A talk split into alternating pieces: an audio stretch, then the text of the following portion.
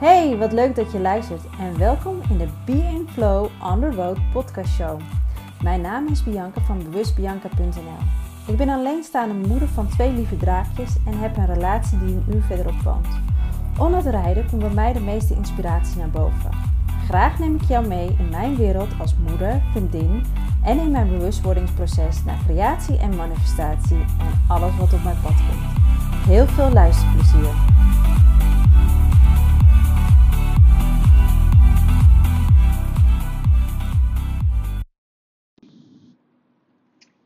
Is kiezen voor jezelf egoïstisch of noodzaak? Welkom bij Be in Flow on the Road. We zijn weer onderweg en ik had uiteraard weer mijn inspiratie. Wat is kiezen nu eigenlijk voor jezelf? En is dat egoïstisch of niet? Het grappige is dat we allemaal een bepaald perfect, perfectionisme uh, in ons willen ja, laten tonen. Dat uh, dat we allemaal maar perfect moeten zijn. We een perfecte gezin horen te hebben, het perfecte liefdesleven, de perfecte baan, de perfecte uh, vriendengroep, etc. Maar door al die perfectionisme loop je eigenlijk alleen maar harder weg van wie je daadwerkelijk bent. Dan heb je eigenlijk niet eens meer door wie jij bent, maar word je eigenlijk geleefd door je omgeving ik probeerde ook heel lang perfect te zijn. Een perfecte echtgenoot te zijn. Maar wat ik ook probeerde, ik faalde al door. Al door ruzie over dat het volgens hem niet perfect genoeg was. En dan loop je op een gegeven moment echt wel tegen de muur aan. En dan loop je echt wel eventjes van, ja maar wat is perfectie dan? Van, is perfectie dan een, voor een ander zorgen dat die het perfect heeft en jou, jij jezelf helemaal wegcijfert en dingen doet die jij niet leuk vindt? Is dat dan perfectie? Is dat dan kiezen voor jezelf? En die ander die kiest toch ook voor zichzelf. Als ik naar mijn vorige relatie keek, koos mijn toenmalige partner alleen maar voor zichzelf. Alleen maar de dingen die hij leuk vindt, dat deed hij. En ik moest maar achter hem aanlopen om zijn leven rustiger en draaglijker te maken. Maar er werd nooit aan mij gevraagd van Bianca, goh, hoe voel jij je vandaag? Of wat wil jij vandaag? Of whatever. Niemand die dat aan mij vroeg. Maar ja, als ik het niet aan mezelf vraag. En als die ander het niet aan mij vraagt. Hoe ik me nu eigenlijk daadwerkelijk voel. Waar ik nu eigenlijk echt voor wil kiezen wie doet het dan voor me? Op een gegeven moment vielen de kwartjes dat eigenlijk alles in je zit, zolang je er maar zelf durft naar te vragen, zolang je het zelf maar onder ogen durft te zien. En ook kan vragen van dat je het ook echt durft om voor jezelf te kiezen. Het lijkt zo wat dat het haast niet mag om voor jezelf te kiezen. Dat we in zo'n soort keurslijf hebben van nee, we moeten het iedereen. dat is misschien een vrouwensyndroom. Moet iedereen naar ons zin maken, maar we vergeten onszelf. Als iemand anders zagrijnig op de bank ligt, is dat zijn probleem en niet jouw probleem. Wij proberen altijd zoveel mogelijk om een ander het zo erg naar, de, naar, het, naar het zin te maken. Dat we onszelf helemaal vergeten. En zo heb ik, zie ik vele voorbeelden om me heen dat ik denk van, ach lieverd, als je toch even soms een klein stukje meer voor jezelf zou kiezen je eigen lichtpuntje zou zien, dan zou, het weer, zou de wereld voor jou een stuk, een stuk makkelijker zijn.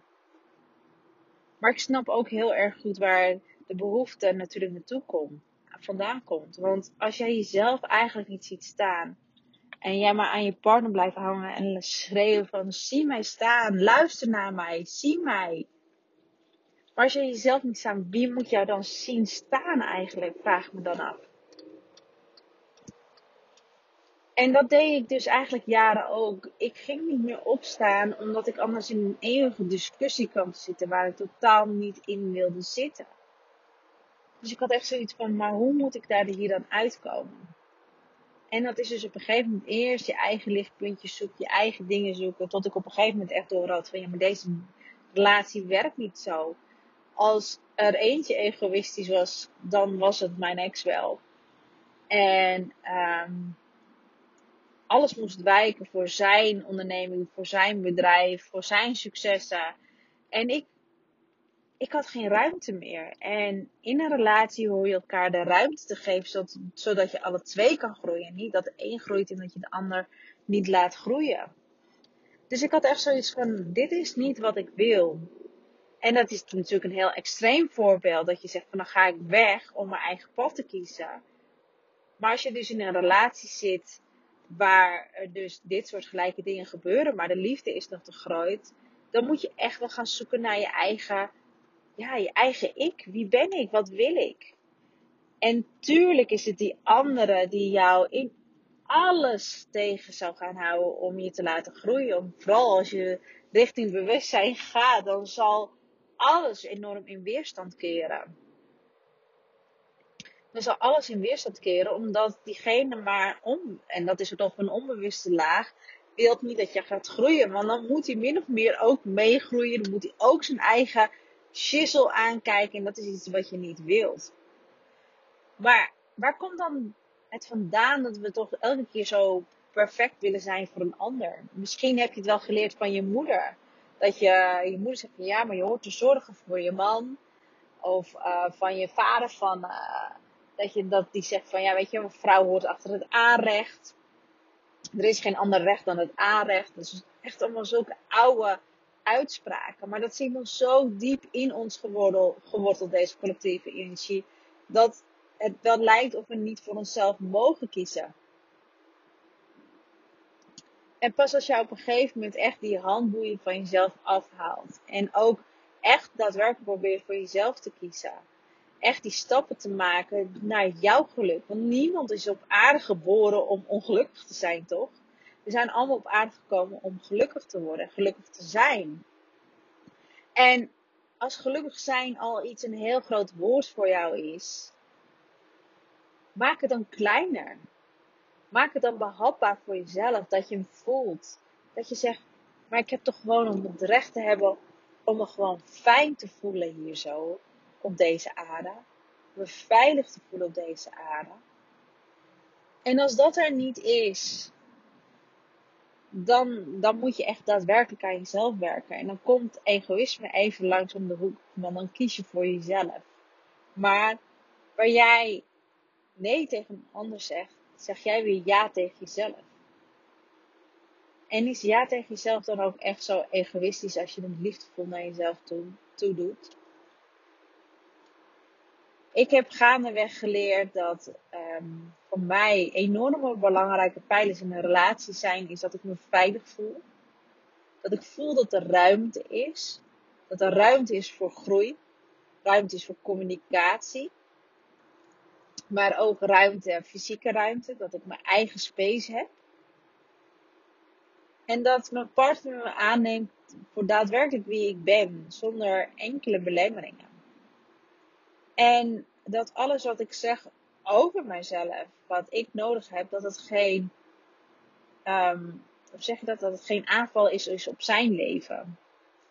En die relatie heb ik ondertussen gemanifesteerd. En, um, en dan zeg ik ook gewoon, dat ben je beide in bewustzijn. Zoals je waarschijnlijk in een van mijn eerdere podcasts hebt gehoord. Dat je echt zegt van ja, weet je, dit is het leven. Gewoon fijn met jezelf te hebben. Fijn om een fijn leven te mogen hebben. Met de dingen om je heen waar je dankbaar voor mag zijn. En dat geldt net als voor je kinderen, weet je wel. Je hoeft geen perfecte kinderen te hebben. Als je maar kinderen vrij geeft in de ruimte. Net als in een relatie wil je gewoon je ruimte hebben. De communicatie. Liefdevolle grenzen naar jezelf toe. En kijk eens wat, wat je, hoe je kinderen ook kunnen groeien. Als jij weet hoe jij moet leven. Als jij weet hoe jij in het leven wilt staan is dat toch het mooiste goed wat jij door kan geven aan de volgende generatie. Door alleen maar te laten zien wie je daadwerkelijk bent, kan jouw kind of kinderen kunnen dat oppakken en ook zo gaan leven. Hoe mooi is dat als jij al die struggles in het leven hebt gehad en dat je nu zegt ik heb het gewoon fijn met mezelf. En ik kan dat teruggeven aan mijn kinderen om te laten zien hoe fijn fijn zijn is, hoe gelukkig, gelukkig zijn is. Dat is mijn grootste gift ever wat ik mijn kinderen kan geven. En dat is daarom ook dat ik altijd pleit om in bewustzijn te zijn en te blijven. Daarom heb ik ook voor mezelf een conscious lifestyle ontwikkeld. Zodat ik iedere dag met mezelf bewust bezig ben. Iedere dag in tune op mezelf.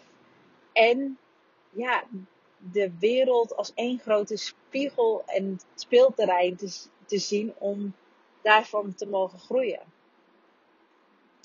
Wil je nou meer weten over een conscious lifestyle? Ik heb op mijn website um, bewustbianca.nl heb ik mijn 10 tips van de conscious lifestyle. Ik zou zeggen, download ze als je hier naar luistert. En ga eens kijken wat voor bij jou past om ook in een bewuster leven te gaan stappen. Om een bewuster leven te mogen gaan leven. En um, wellicht spreken we elkaar of zien we elkaar een keertje op uh, Instagram of Facebook. Dat zou ik ontzettend leuk vinden. Voor nu wil ik je enorm bedanken voor het luisteren. Denk je dat deze podcast ook voor iemand anders bestemd kan zijn? Deel deze alsjeblieft. Uh, en als je wilt graag een review achterlaten op iTunes. Zodat andere mensen, zodat mijn podcast omhoog gaat. Zodat andere mensen deze podcast ook kunnen beluisteren. En wellicht zie ik je, hoor je me binnenkort weer van, van me. Voor nu wens ik je een hele fijne dag.